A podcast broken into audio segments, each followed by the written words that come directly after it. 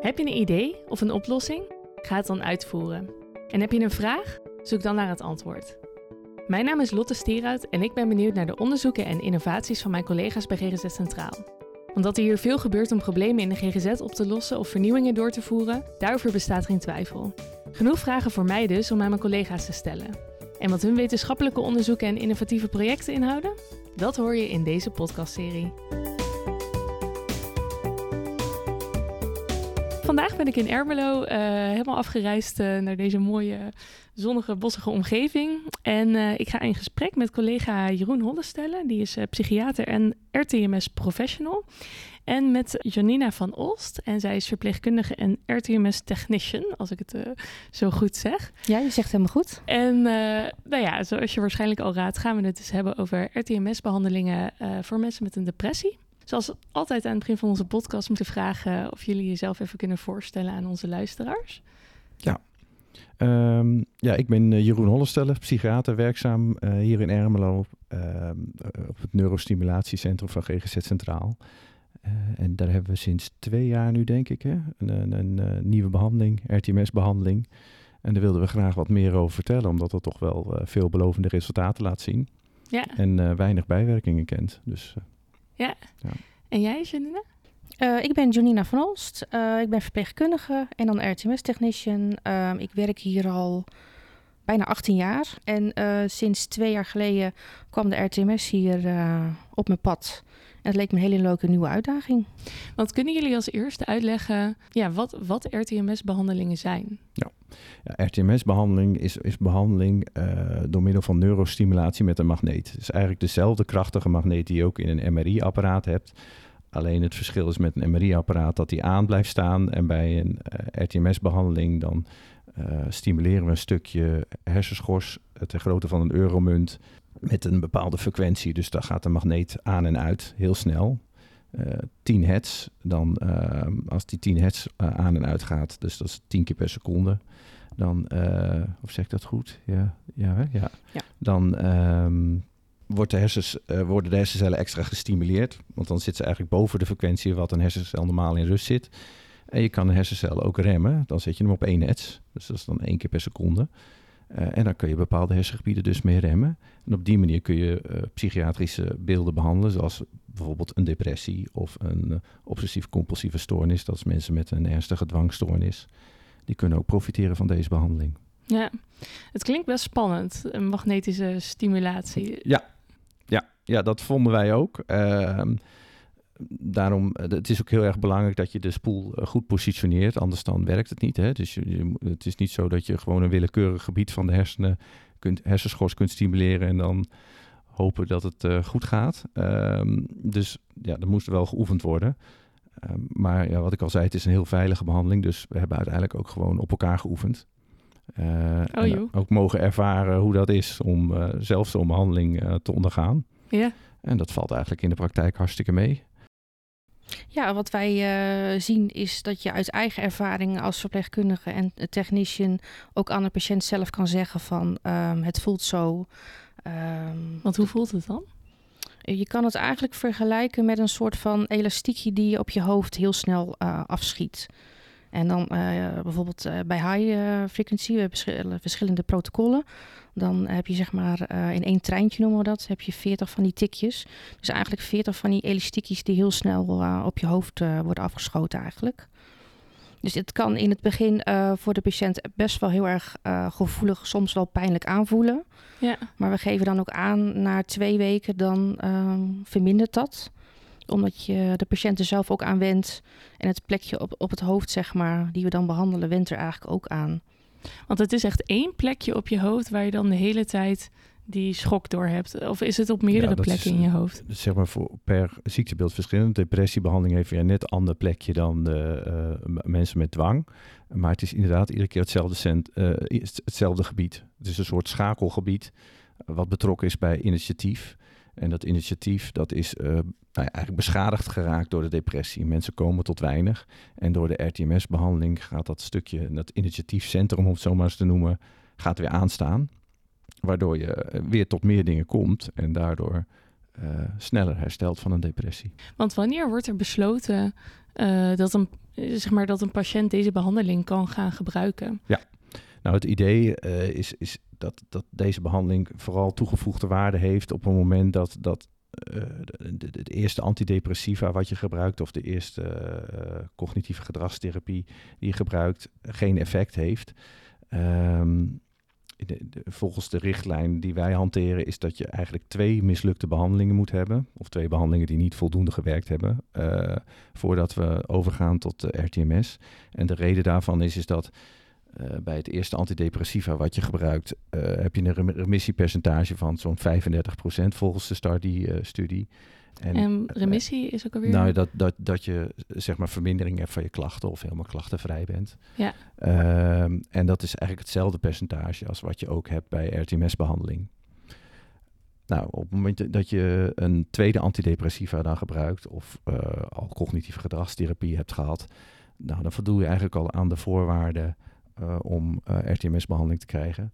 Want bij het tweede antidepressiva is het remissiepercentage 30%. Dus dat je dat 30% klachtenvrij wordt. Nou, dat is alweer lager als die behandeling met de RTMS. Het klinkt überhaupt eigenlijk allebei wel als best wel lage percentages. Ja. Nou ja, dat, dat, dat klopt. Um, een, een, depressie is natuurlijk wel een heel uh, divers ziektebeeld. Wat natuurlijk ook uh, waarbij meerdere factoren van invloed kunnen zijn op de, ja, de oorzaak en de instand houden van de ziekte. Uh, dus het is natuurlijk altijd belangrijk om daar ook naar te blijven kijken. Um, maar goed, in de praktijk komt het eigenlijk neer op vaak ja, cognitieve gedragstherapie of medicamenteuze behandeling. En als die niet werkt, dat we dan nog meer medicijnen gaan proberen. Maar ja, baat het niet. Het schaadt wel. Hè? Want het eerste antidepressiva, daar stopt gemiddeld 8% mee vanwege de bijwerkingen. Het tweede is het 23%. Het derde 35% en het vierde is 41% die ermee stopt. En ligt dat dan aan, zeg maar, dat het brein van die mensen daar gewoon niet goed op reageert? Of eh, hebben die, zijn dat ook gewoon zwaardere antidepressiva? En... Ja, ze zijn allemaal even zwaar om het zo maar te zeggen, maar het, het bijwerkingsprofiel wordt wel steeds heftiger. Ja. Uh, en dat maakt het wel heel lastig uh, voor mensen om dat dan vol te houden, om die, die pillen te blijven slikken. Ja. Dus ja, um, ja, ja daar, vandaar dat bij, bij de, de, vierde behandeling ja, 41% zegt, ja, geef mij een portie maar uh, aan iemand anders, ik hoef die pillen niet meer. Ja. En dan wel depressief blijft. Ja. Ja, en dan is RTMS wel echt een hele mooie uitkomst. Want hoe gaat een RTMS-behandeling um, in zijn werk, zeg maar? Nee, jullie hebben net al een beetje verteld met die spoel en die magneten, maar... Um, en ik hoorde al twee weken tussendoor, maar hoe, hoe ziet zo'n proces er echt uit? Ja, wij bieden eigenlijk uh, behandeling aan van uh, 30 behandelingen. Een patiënt moet uh, vijf of zes weken lang vijf dagen in de week komen. Gewoon van maandag tot vrijdag. Het is best pittig, intensief ook. We merken ook zeg maar, dat de eerste twee weken ook gewoon echt voor de patiënt ook heel uh, vermoeiend is. Dat sommigen echt denken van, oh, en dan moeten we nog zoveel weken. Ja. Maar... Uh, en dat komt door die elektroshocks of echt ook wel omdat hij de hele tijd hierheen moet komen? En ja, ook tijd de hele heeft? tijd hierheen moet komen ook. Op, op zich, uh, je bent hier uh, 45 minuutjes ongeveer uh, duurt een hele belang behandeling totdat je binnenkomt, geïnstalleerd bent in de stoel. We maken ook altijd nog even een kort praatje met, uh, met de patiënt, hoe die erbij zit. En dan uh, ja, na, na 45 minuten zit het er weer op. Ja. ja. Het is wel belangrijk om te noemen eigenlijk um, dat we bij, bij de behandeling ook moeten bepalen van hoe hoog moeten we het apparaat instellen. Hè? Hoeveel uh, magnetische straling heb je nodig om een stukje hersenschors de grootte van zo'n euromunt, 2 tot 2, 3 centimeter, hè, gaat, het, gaat het het brein in om dat uh, aan te zetten, hè, om dat te stimuleren. En dat kan per persoon heel erg verschillen. En dat is ook een beetje afhankelijk van uh, of je de nacht ervoor goed geslapen hebt en hoeveel koffie je op hebt. bijvoorbeeld uh, de eerste keer dat ik het op mezelf probeerde, had ik een percentage van 80% nodig. En met de, de visitatie, toen we landelijk zeg maar, beoordeeld werden of ons centrum voldeed aan alle eisen. Uh, toen had ik de nacht ervoor dienst gehad, dus niet geslapen. En uh, toen had ik een percentage van 60% maar nodig. Dus, uh, was je letterlijk de, meer prikkelbaar? Meer prikkelbaar. Ja. Dus wat we in de volks, als we in de volksmond zeggen van ja, ik ben wat prikkelbaarder omdat ik slecht geslapen heb, dan klopt, klopt dat in de praktijk ook daadwerkelijk dat je dat kan meten. Ja. ja. En dan? Nou ja, het fijne is hoe laag je het apparaat in kan stellen, des te minder. Eh, Jonita had het er net ook over, dat elastiekje wat je voelt tijdens het stimuleren. Dat des te minder voel je die, die, tikjes tegen je hoofdhuid aan. Uh, des te nou ja, comfortabeler is het voor de patiënt. Dus dat is wel een belangrijke reden om toch zo laag mogelijk te stimuleren. Stimuleer je weer te laag, ja, dan heb je niet voldoende kracht, om het zo maar te zeggen, om al die hersencellen ter grootte van zo'n euromunt te, te activeren. En is de behandeling minder effectief. Dus daar moet je wel een balans in zoeken. Ja. En daarom doen we eigenlijk ook uh, elke keer voor de behandeling start, gaan we die prikkeldrempel ook bepalen. Omdat eigenlijk ook elke dag weer, weer anders is. De ene keer zit je een stuk hoger en een stuk lager. En inderdaad, dat ligt aan slapen, medicatiegebruik, koffiegebruik. Dus dat we wel elke dag op de goede percentage gaan behandelen. Want hoe bepaal je die prikkeldrempel dan? Daar, hebben, daar kan Jeroen daar denk ik ook iets meer technisch meer over vertellen. Ja, nou dat is wel heel leuk, want um, de, je hersenschors stuurt natuurlijk ook een deel van, uh, of eigenlijk alles wat beweegt, stuurt je hersenschors ook aan. Hè? Dat noemen we je, je motorschors, uh, om het zo maar te zeggen. En uh, we stimuleren dan een specifiek gedeelte wat je duim en je wijsvinger aanstuurt. En dan... Is dat hetzelfde gedeelte als waar die depressie in je hersens ook kan nee, zitten? Nee, dat is een ander, een ander gedeelte inderdaad. Um, dus dan staat de spoel inderdaad op een ander plekje. En het grappige is wel, toen ik het zelf onderging, was ik heel erg bang. Denk, nou, dan zal ik wel een schok in mijn arm voelen. Maar je voelt dus helemaal niks in je arm, want ja, de hersencellen worden aangestuurd. Dus daar gebeurt het. En voor de rest wordt het gewoon op de natuurlijke gebied richting je arm aangestuurd. Dus je voelt eigenlijk niet dat je duim of wijsvinger beweegt. Uh, je ziet het alleen. Wow, dat lijkt me echt best wel gek. Ja, dat was het ook. Het was echt wel verbazend dat dat allemaal zo kan. Uh, en ook wel indrukwekkend, ja. En waar de spoel dan normaal op gericht is, of normaal uh, tijdens de behandeling op gericht is, heb je dan ook nog van die gekke fysieke uitingen? Uh, ja, nou ja, je kan je niet. Ja, dat, uh, dat is ook weer per patiënt verschillend. Um, als de patiënt bij ons komt uh, om de juiste plek te bepalen, gebruiken wij kapjes. Je kan het eigenlijk vergelijken met een soort badmutsje, polo, waterpolo-achtig kapje. Um, bij de intake doen wij daar uh, allerlei metingen op. Dat we zeker weten dat we steeds op de juiste plaats behandelen. Dan gaan we dus uh, kijken of we dat die prikkeldrempel uh, kunnen bepalen. Ja, nee, dan, dan kun je dus daarmee zien ehm, hoeveel iemand nodig heeft. En vervolgens hebben we dus ook gelijk het punt waar dus zeg maar een soort landmark, waar dat punt zit waar je de duim, wijsvinger kan stimuleren. En aan de hand van het computerprogramma met allerlei meetwaarden die we opmeten op de schedel, kunnen we dan uh, heel specifiek de uh, plaats bepalen die we moeten stimuleren voor depressiebehandeling of voor de obsessief-compulsieve stoornisbehandeling, hè, dus voor mensen met dwang. En het mooie is dat die methode die we gebruiken is eigenlijk net zo nauwkeurig als dat we bijvoorbeeld in de academie hebben ze dat dat je met behulp van neuronavigatie, dat is een soort computersysteem met op basis van een MRI die eerder gemaakt is, um, je ook specifiek dat plekje kan bepalen. En eigenlijk uit de literatuur blijkt dat de methode die wij gebruiken, door, door op te meten uh, en, en de prikkeldrempelpunt als, als landmark te gebruiken, uh, dat die methode net zo nauwkeurig is. Ja. Dus dat is wel erg fijn, want hoeven mensen niet uh, een heel MRI-protocol te, te doorlopen. En hebben we ook niet zo'n specifiek apparaat nodig voor neuronavigatie nou ja, wat ze bij de neurochirurgie ook wel gebruiken tijdens de neurooperaties. Ja. Uh, ja, dat hebben we allemaal niet nodig, omdat wij uh, ja, hier eigenlijk met zo'n uh, badmuts heel nauwkeurig kunnen aftekenen waar we moeten zijn. En die badmuts die wordt ook nauwkeurig ten opzichte van de neusrug continu opgemeten, zodat als, mocht die verschuiven tijdens de behandeling, dat we dat gelijk goed zien. en en ja, de boel dan weer rechtzetten, zodat we altijd het goede plekje stimuleren. Ja. Ja, maar dan heb je dus tijdens de, uh, zeg maar, zo kwamen we natuurlijk een beetje op, tijdens de behandeling voor echte depressie ook, zeg maar, dat bijvoorbeeld je vingers bewegen of je voeten of, uh, nee, of dat, zoiets? Dat, dat niet, nee. Nee, nee dat, is, dat is echt, uh, dat, die motorcortex, om het zo maar te zeggen, daar komen we daarna niet meer in de buurt. Nee. Het enigste is dat soms, als je dat stukje wat je bijvoorbeeld specifiek bij een depressie stimuleert, het schakelcentrum, het initiatiefcentrum, om het zo maar te zeggen, uh, dat je soms de wenkbrauw op de frequentie van de, uh, van, van de stimulatie, dus die 10 hertz, mee ziet trekken. Ja, maar dat voelt iemand dan zelf niet? Uh, de ene keer wel, de andere keer niet. Uh, soms dan benoem ik het ook wel van, goh, voelt u ook uw wenkbrauw uh, heen en weer gaan? Nee, voel ik niet. Heel af en toe voelt iemand toch nog wel wat in de kaak. Of ja. heel, heel licht in het gezicht. Maar ja, dat zijn dan de spiercontracties die je er dan bij hebt. Maar ja, dat is echt per patiënt verschillend. Ja, maar is dat helemaal veilig dan? Want je, je noemt net van, joh, we kijken als die is verschoven en we hebben het op elkaar getest.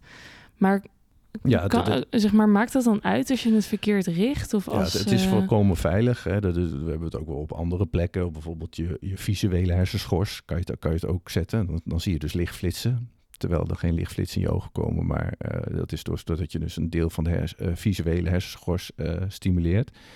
Um, het is alleen onplezierig. Ja. dus, dus daarom willen we het voorkomen. Um, in het begin hadden we iemand van de industrie en die, die heeft het een keer voorgedaan op een collega. En ja, die had de spoel te ver naar voren gezet. Ja, dan trekt dus de hele gezichtsspieren uh, uh, uh, samen. Ja, dat ziet er nogal raar uit. Ja, het is in het niet... voorbeeld kan ik me voorstellen dat het niet echt heel erg... Nee, echt niet. Nee, dat was voor ons toch wel... dat, nou, dat, dat we echt dachten van... Nou, dat moeten we in ieder geval zien te voorkomen. Dat, ja. dat willen we niet. Um, en dat, dat lukt in de praktijk ook. Het enige risico is, is dat, uh, dat vragen we wel altijd uit, hè, dat iemand moet MRI-compatible zijn. Dus uh, metaal in het hoofd, dat is uh, niet, niet mogelijk als je deze behandeling wil ondergaan. En epilepsie, als dat bij de patiënt zelf of bij een eerste graads familielid speelt, dan zijn we ook terughoudend. Ja, de reden is dat we hier in, een, in een, op een locatie zitten waar je nou niet direct beschikking hebt over een, een ziekenhuis. Um, al moet ik wel zeggen dat het, het, het risico op een epileptische aanval bij RTMS is, is uh, lager dan als je met een antidepressiva begint. Alleen ja, de een is met een apparaat, dat vinden mensen toch altijd spannend. En de ander is met een pilletje, dat mensen vinden dat, hoe gek dat ook klinkt, soms minder eng. Ja. Uh, maar ja, qua getallen is het eigenlijk het risico precies andersom als je het hebt over de epilepsie.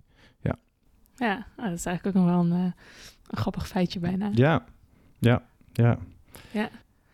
Maar ook wel fascinerend dat dan dus een depressie echt in een bepaald gebied van je hersens uh, echt zit. Ja, nou, meerdere gebieden zijn ermee bij, mee betrokken, uh, of bij, bij betrokken. Alleen dit gebied, dat, dat staat daarmee allemaal in verbinding en, en kan dus aangezet worden.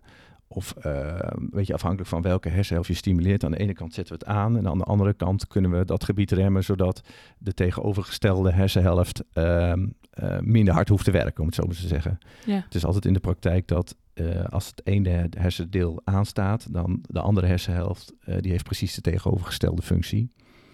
Anders zou je twee kapiteins op één schip hebben. Ja. En dat, uh, dat zou niet werken in het brein. Ja. maar ja, we kunnen dus inderdaad kiezen om uh, het deel aan te zetten met de hersenhelft die, uh, die dan geactiveerd moet worden. Of juist de andere hersenhelft dat we die remmen. in de literatuur is er iets meer onderzoek gedaan naar dat activeren. Vandaar dat we daarvoor voor kiezen. Uh, als eerste keus. Uh, maar er zijn ook wel studies bekend met dat uh, remmen, dat dat net zo effectief zou zijn. En ja, dan heb je dus in plaats van die 10 hertz, dus 10 tikken per seconde, maar één tik per seconde. Ja, dat is natuurlijk wel een veel mindere belasting. En we laten het in de praktijk ook wel afhangen van de patiënt als die erg, nou, zeg maar even prikkelgevoelig is, dus snel toch heel veel last ervaart, kunnen we ook switchen van die 10 hertz naar die 1 hertz behandeling. Dus, dat je dan uh, maar één keer per seconde zo'n tik voelt in plaats van uh, tien keer. Ja, doen jullie daar dan zelf ook nog echt onderzoek naar wat, uh, wat bij jullie patiënten beter werkt? nou, er, er, lopen allerlei onderzoeken. Um, die, die lopen er al. We, we zijn wel bezig om te kijken hoe we een database op kunnen zetten, zodat we, dat, en dat we dat op dezelfde manier vastleggen als andere RTMS-centra, zodat we ja, nog wat over wat grotere populatie mensen kunnen zeggen van nou ja, hoeveel knapt erop en, en, en wat is het uh, beloop. Hè, omdat het ook vrij nieuwe behandeling is. Um, en we willen in de toekomst ook wel graag dat deze behandeling beschikbaar komt voor bijvoorbeeld de adolescenten. Hè, van me, uh, kinderen van 16 tot 18 jaar. Um, zeker als ze al antidepressiva behandeling gehad hebben en, en psychotherapie Um, en ja, waarbij het niet voldoende werkt. Uh, ja, als iemand zo nog zijn heel leven voor zich heeft, dan, dan ja, zou dit natuurlijk ook wel een hele mooie behandeling zijn om daar uh, aan te bieden. Alleen er is in de literatuur nog weinig onderzoeks van. Dus, dus ja, dat zal dan in een onderzoeksverband moeten. Nou goed, dan zijn we aan het kijken of we daar fondsen voor kunnen werven, zodat we dat hier ook kunnen gaan doen. Ja, ja. want nu hebben jullie vooral een. Um een volwassen doelgroep of oudere Ja, vanaf doelgroep? 18 jaar kom je in aanmerking. Dus van 18 tot eh, 120 eh, ben je welkom om hier eh Ja, RTMS te gaan onder- ondergaan. Ja. En dat vind ik eigenlijk ook wel heel leuk. Om, eh, ja, we werken toch hier zo eh, met doelgroep ouderen. Maar toch bij de RTMS kom je ook gewoon eh, eh, ja, jonge mensen tegen. Van, van al in, in de 25 tot, tot aan, aan 80, 85, zelfs nog wel ouder. Dus dat maakt het ook wel echt wel heel leuk om te doen. ja want jij werkte dan natuurlijk als eerst als verpleegkundige in de ouderenpsychiatrie. En dan heb je nu ineens toch een veel diversere doelgroep om mee te werken in die zin. Ja, en dat, eh, dat, ja, dat geeft mij ook gewoon meer uitdaging in het werk. Het is gewoon echt gewoon heel leuk dat ik eh, die combinatie ook kan doen. Ja, want hoe, ehm, hoe reageren patiënten erop als, ehm, als je dit voorstelt qua behandeling? Zijn ze dan vaak, staan ze daar vaak open voor of heel terughoudend? En Nou, het verbaasde mij wel. In het begin zeiden we, we willen het graag combineren met cognitieve gedragstherapie. Dat hadden we eigenlijk als voorwaarde eh, gesteld. En het, het bijzondere was dat mensen die cognitieve gedragstherapie halverwege eigenlijk zeiden van... eh, nou, eh, dat, dat, daar, heb ik eigenlijk niks aan, dus ik, ga niet meer. Maar ze wilden wel onder het apparaat blijven zitten.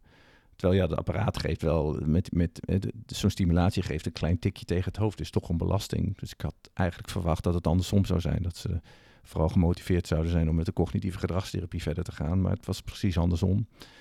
Mensen vinden het toch erg fijn dat er een behandelmogelijkheid is waarbij je ehm, eh, niet hele uitgebreide huiswerkopdrachten thuis hoeft te doen. Kan je Ja. me wel bij voorstellen. Achteraf snap ik het wel, omdat ja, bij een depressie is het initiatief al verminderd. Als je dan ook nog allerlei huiswerkopdrachten krijgt waar je moeilijk toe komt door de depressie, dan is het wel heel erg fijn als er een behandeling is wat, wat, waarbij je niet direct zelf actief iets hoeft te doen, maar gewoon onder een apparaat kan zitten. ja, Ja. dat snap ik. Ja.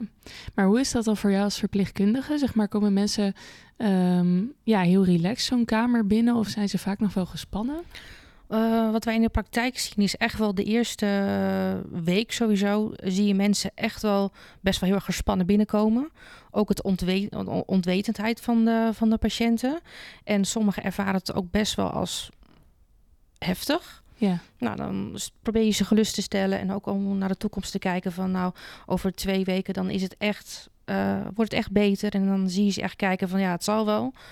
Maar ze beamen dan ook eigenlijk wel van ja, je hebt eigenlijk wel heel erg gelijk. ja, Van na twee, drie weken dan, dan, ja, dan is het echt gewoon makkelijker te doen ook. ja. Ook omdat ze die, ja, ze moeten even in, in, in de flow komen van elke dag moeten ze komen. En dat, ja, dat is ook echt wel in de eerste week heel erg vermoeiend. En dan zeg maar tijdens de behandeling, ehm, zeg maar dan, dan meet jij dus eh, die spoel aan en eh, je test de frequentie. En blijf je daarna dan bijvoorbeeld ook bij? Of ehm, Ja, we blijven in, de, in dezelfde behandelkamer. Eh, de patiënt die ehm, ligt eigenlijk, je kan het vergelijken met een soort tandartsstoel. Ehm, dat is nooit prettig. nee, nee. Maar eh, we vragen aan de, aan de patiënt van, goh, wilt u eh, rechtop zitten? Wilt u liggen? Ja, de een zit echt rechtop, de andere wil meer liggen. Om het voor de patiënt zo comfortabel mogelijk te maken. Je ligt met je hoofd eigenlijk ook in een soort steun. Ehm, die spoel zit echt gewoon echt helemaal op je hoofd. Het drukt ook een beetje. Het is een, wat, wat zwaarder ook. Aan de andere kant van je hoofd heb je een eh, steun waar die echt helemaal... Je hoofd zit er gewoon tussen. Eigenlijk om het zo te zeggen. Ja. Ehm, wij bieden ook, eh, we hebben een televisie hangen, dus wij eh, bieden ook aan, wilt u televisie kijken, wilt u YouTube kijken, wilt u radio luisteren? Het licht aan of uit, ja, om het de patiënt zo comfortabel mogelijk te maken. En heb je dan ook nog wel eens echt gewoon hele gesprekken met iemand? Of is dat dan eigenlijk niet echt mogelijk? Ehm, het apparaat maakt best wel veel lawaai. Oh. je hoort echt heel duidelijk hoor die tikjes. Ja, En hoe hoger de frequentie, hoe harder die tikken zijn. Je hebt wel eh, tussen die tikken, tussen die treintjes, heb je wel ongeveer tussen de 11 seconden rust. Dus dan moet je eigenlijk eh, dat je gewoon 75 keer die treintjes hoort. En dan met 11 seconden rust. Dus dat is soms best pittig. Maar voorafgaande aan de behandeling, dan eh, hebben we nog wel eens gesprekken met patiënten. De een is heel kort van stof en de ander niet. Soms ben je soms echt een psycholoog. Dan gooien ze er van alles uit. ja, En omdat ze ook vijf dagen in de week komen, je bouwt eigenlijk soms wel een beetje een band met iemand op. Ja, vind, ja, vind ik heel logisch. Ja. Dat je echt iemand echt vaak ziet. Ja. En dan ben je er dus vooral dat je er echt blij blijft zitten om iemand toch wel, zeg maar, dat gemak te, te geven van er is altijd iemand in de buurt. Ja, en eh, ja, er kan onverhoopt wat, wat zijn met het apparaat. Dat je gewoon gelijk kan inspringen. Of eh, iemand beweegt, dat het kapje niet goed zit. Of ja, dat kan van alles. Je moet gewoon echt wel bij de patiënt gewoon in de buurt zijn. Ja, Ja, we gaan de kamer niet uit. nee. En wanneer beginnen mensen dan resultaten te merken?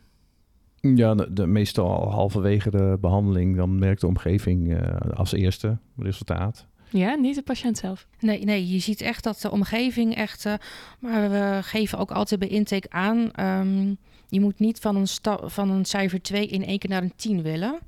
Het zijn echt hele kleine stapjes eh, die er gemaakt worden. Ehm, de mimiek, de blik is opener. ehm, mensen genieten meer, ondernemen dingen meer. Maar het zijn echt de hele kleine stapjes eh, die we dan zien. Ja. En, en de grote stappen, komen die dan later? Of, ehm, Ja, dat, de, de- de- wat we aan de behandelaar vragen. Mensen hebben ook altijd een ambulant behandelaar. eh, en die eh, neemt één keer per twee weken een, een madrasscore af. Dat is zeg maar een maat voor de depressie. Dus dat we ook kunnen meten van nou, hoe ernstig zijn de symptomen nog. Eh, en wat we vaak zien is dat eh, na 20, 25 behandelingen... dat het dan nog steeds vaak wel daling is van de madrasscore. Nou, op het moment dat die madrasscore voldoende gedaald is, eh, dan eh, stoppen wij bij 30 behandelingen. En soms is hij toch nog nou, wat licht verhoogd. En dan gaan we nog gewoon 10 behandelingen door. Dan krijgen mensen 40 behandelingen. En we maken ook wel mee dat mensen goed zijn opgeknapt, maar toch weer terugvallen. Ja, soms is dan gewoon onderhoudsbehandeling met eh, de RTMS de beste optie. Nou, daar hebben we een specifiek afbouwschema. Dan als mensen teruggebouwd eh, of teruggevallen zijn in een depressie, dan krijgen ze weer opnieuw dezelfde RTMS-behandeling met 30 behandelingen. Maar daaraan vast zit dan een afbouwschema dat geleidelijk aan in een eh, traag tempo afgebouwd wordt tot een hele lage frequentie, tot twee keer per week, denk ik. Nou, Hmm. zelfs ehm, acht maanden lang één keer per twee weken. Eén keer per twee, kijk. Nou, dat is hartstikke mooi. Ja. ja. Maar hoe vaak gebeurt dat dan? Dat mensen echt eh, toch weer terugvallen? Ja, ik denk We hebben nu op dit moment hebben we eh, vier of vijf mensen die nu eh, onderhoud. En die- dat zijn dus mensen die. eh, de- de- de- de- de- dus we bieden de behandeling twee jaar aan. Eh, en nou ja, we hebben wel, wel heel wat, me- wat mensen behandeld. Ehm, dus, dus het percentage is denk ik niet zo hoog van mensen die onderhoudsbehandeling krijgen. Ja, wat zal dat zijn? 10% of zo, zoiets. Maar wat wij ook wel in de praktijk eh, wel zien. ehm, we, we hebben zo, sowieso één patiënt. ehm, die heeft gewoon echt baat bij één keer in de week eh, RTMS. Ja, dat doet hij gewoon heel goed op. In de plaats van allerlei medicatie te slikken. Ja. Dus ja, dan, dan ben ik ook al heel blij met, met dat resultaat die we dan behaald hebben. Ja. En vaak zie je wel dat daar eh, de mensen die, die onderhouds-RTMS krijgen, dat er ook instandhoudende factoren zijn. Ja, daar hebben we dan al wel behandeling voor geboden, alle mogelijke behandelingen, maar die instandhoudende factoren blijven soms. Die kunnen we niet veranderen. Dat is ellendig. Ehm, maar dat maakt wel dat iemand een hoger risico heeft op het weer terugvallen in een depressie. Ja, en zo'n RTMS-behandeling is dan als onderhoudsbehandeling wel ideaal om dat te voorkomen. En Dat iemand dan toch, ondanks die instandhoudende factor, enige kwaliteit van leven ervaart. Ja. Ja. En, maar mogen die instandbehandelingen, sorry, die instandhoudende behandelingen, mogen die dan na twee jaar niet meer doorgaan? Of is Jawel, dat gewoon hoor. nog niet gebeurd omdat het pas twee jaar hier eh, op locatie is? Ehm, en eh, die eh, instandhoudende factoren die zullen altijd blijven, hè, maar die onderhoudsbehandeling die mag gewoon door blijven lopen. Eh, het is alleen net wat, wat Joanita zegt. Hè. We zijn er wel heel scherp op om het dan zo laag frequent mogelijk eh, aan te bieden. Ten eerste is het minder belastend voor de patiënt. En ten tweede kunnen we dan zoveel mogelijk patiënten blijven helpen. Ja, zoveel mogelijk nieuwe Ja. instroom.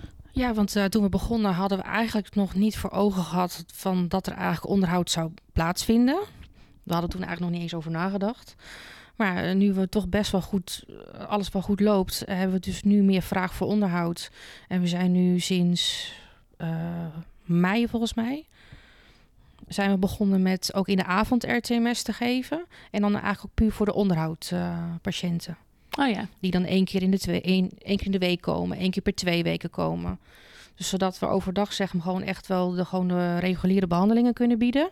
Ja. En dan eh, de andere patiënten zeg maar bijvoorbeeld dan in de avond kunnen behandelen. Ja, en we hopen dat in de toekomst eh, nog verder uit te bouwen. Ja. ja, want het klinkt, als ik het even allemaal zo samenvat, alsof het eh, nou ja, echt wel een, een behandeling is echt met een hoog succespercentage en goed voor of goed wordt ontvangen door cliënten, maar ook voor behandelaren echt fijn is om mee te werken. Ja, nee, dat klopt. Eh, ik denk dat we hoger zitten dan dat percentage van 35% remissie wat in de literatuur gevonden wordt. Ehm, en, en ja, het is vooral een veilige behandeling die, die weinig bijwerkingen geeft. Of eigenlijk geen, behalve ja, wat lichte spierspanning, hoofdpijn kan. En, en ja, dat tikje op het hoofd wat je dan voelt. En dan de eerste twee eh, weken de vermoeidheid. Ja. Maar Ja. ja, dat gaat ook eh, Ja. beter dan daarna. Ja, Nou ja, en, en dat maakt wel dat, dat binnen de psychiatrie hebben we eigenlijk niet zo heel veel behandelingen die, eh, eh, nou in ieder geval qua medicamenteuze behandelingen, die, die heel weinig bijwerkingen geven. En daar is eh, de RTMS toch wel uniek in. Ja, wat wel maakt dat, dat we het vrij vroeg in het depressieprotocol aanbieden. En ik verwacht dan ook dat in de nieuwe richtlijn voor depressiebehandelingen, de landelijke richtlijn, ja, de RTMS-behandeling wel een belangrijke plek zal krijgen. Dat, dat als, als je twee behandelingen gehad hebt voor een depressie, maakt niet uit wat voor behandeling, dat je er dan al voor in aanmerking komt. ja, gewoon zo snel mogelijk bijna. Ja, Ja, ja. eigenlijk wel. Ja. want ehm, we, we hebben het nu zeg maar hier op deze locatie dus eh, sinds twee jaar. Ja. Ehm, is het dan ook zeg maar echt een hele nieuwe behandeling sinds die twee jaar? Ja. En is het al in, in Nederland veel gebruikt? Eh, nou, het, het valt nog tegen. Eh, gelukkig eh, heeft GGZ Centraal nu twee behandellocaties in Ermelo en in Almere. Eh, dus daar, zijn we, daar, daar lopen we eigenlijk al eh, mee voorop. Maar bijvoorbeeld, ik heb ook een patiënt van buiten de regio van GGZ Centraal die heel graag deze behandeling wilde. Maar ja, in eigen regio zijn ze nog niet zo ver. Eh, dus die rijdt eh 50 minuten heen en 50 minuten terug voor een behandeling. En dat vijf dagen in de week Zo. om, eh, om hier eh, toch deze behandeling te kunnen krijgen. Dus ja, we prijzen ons wel rijk met de mogelijkheden die we hier hebben. Ja, Ja, ja, en het laat dus ook wel echt zien dat, dat mensen dit willen, dat, eh, ja, dat er echt eh, een toekomst in zit. ja nou ja, zeker als je dus, dus medicamenteuze behandeling gehad hebt en het- de, de pillen niet verdraagt en de pillen die je wel verdraagt niet werken. En eh, ja, je zit al meer dan een jaar thuis eh, en neemt niet meer deel aan de maatschappij door de depressie. Ja, dan, dan wil je wel. Dan, pak je dit natuurlijk met beide handen aan. Ja. Ook gezien de, de veiligheid van de behandeling. Hey, en als, als laatste vraag, eh tenzij je dan natuurlijk nog iets extra's willen vertellen, maar Ehm, als mensen, collega's of mensen van buiten de organisatie meer willen weten over eh, de RTMS-behandeling of het werken daarmee, eh, waar kunnen ze dan terecht? Ehm, ze kunnen sowieso altijd wel even een mail naar ons toesturen. Dat is eh rtms ggzcentraal.nl voor eventueel eh, vragen. Ja, we, we kunnen altijd ehm, misschien eventueel bij op locatie komen om uitleg te geven. Of, of Ja. dat mensen hier kunnen komen. Eh, we kunnen het de ruimte laten zien. Eh, ik denk dat er wel mogelijkheden voor zijn. Ja, nee hoor, we zijn daar een eh, laagdrempelig bereikbaar. Ehm, ja, we hebben wekelijks ook eh, RTMS-vergadering. dus dat we, dan nemen we alle RTMS-patiënten door. Eh, maar ook de nieuwe aanmeldingen. Ehm, en, en ja, we zijn ook laagdrempelig bereikbaar voor behandelaren als ze vragen hebben over de indicatie. Dat is natuurlijk een relatief nieuwe eh, behandeling. Dus ik kan me best voorstellen als je er nog geen ervaring mee hebt, dat je als behandelaar met vragen zit van nou, bewijs ik hier iemand een dienst mee door deze aan te melden. Ja, Dus eh, van harte welkom. Ja. ja super. Hartstikke bedankt dan eh, voor jullie verhaal. Ja, bedankt. ja, graag gedaan.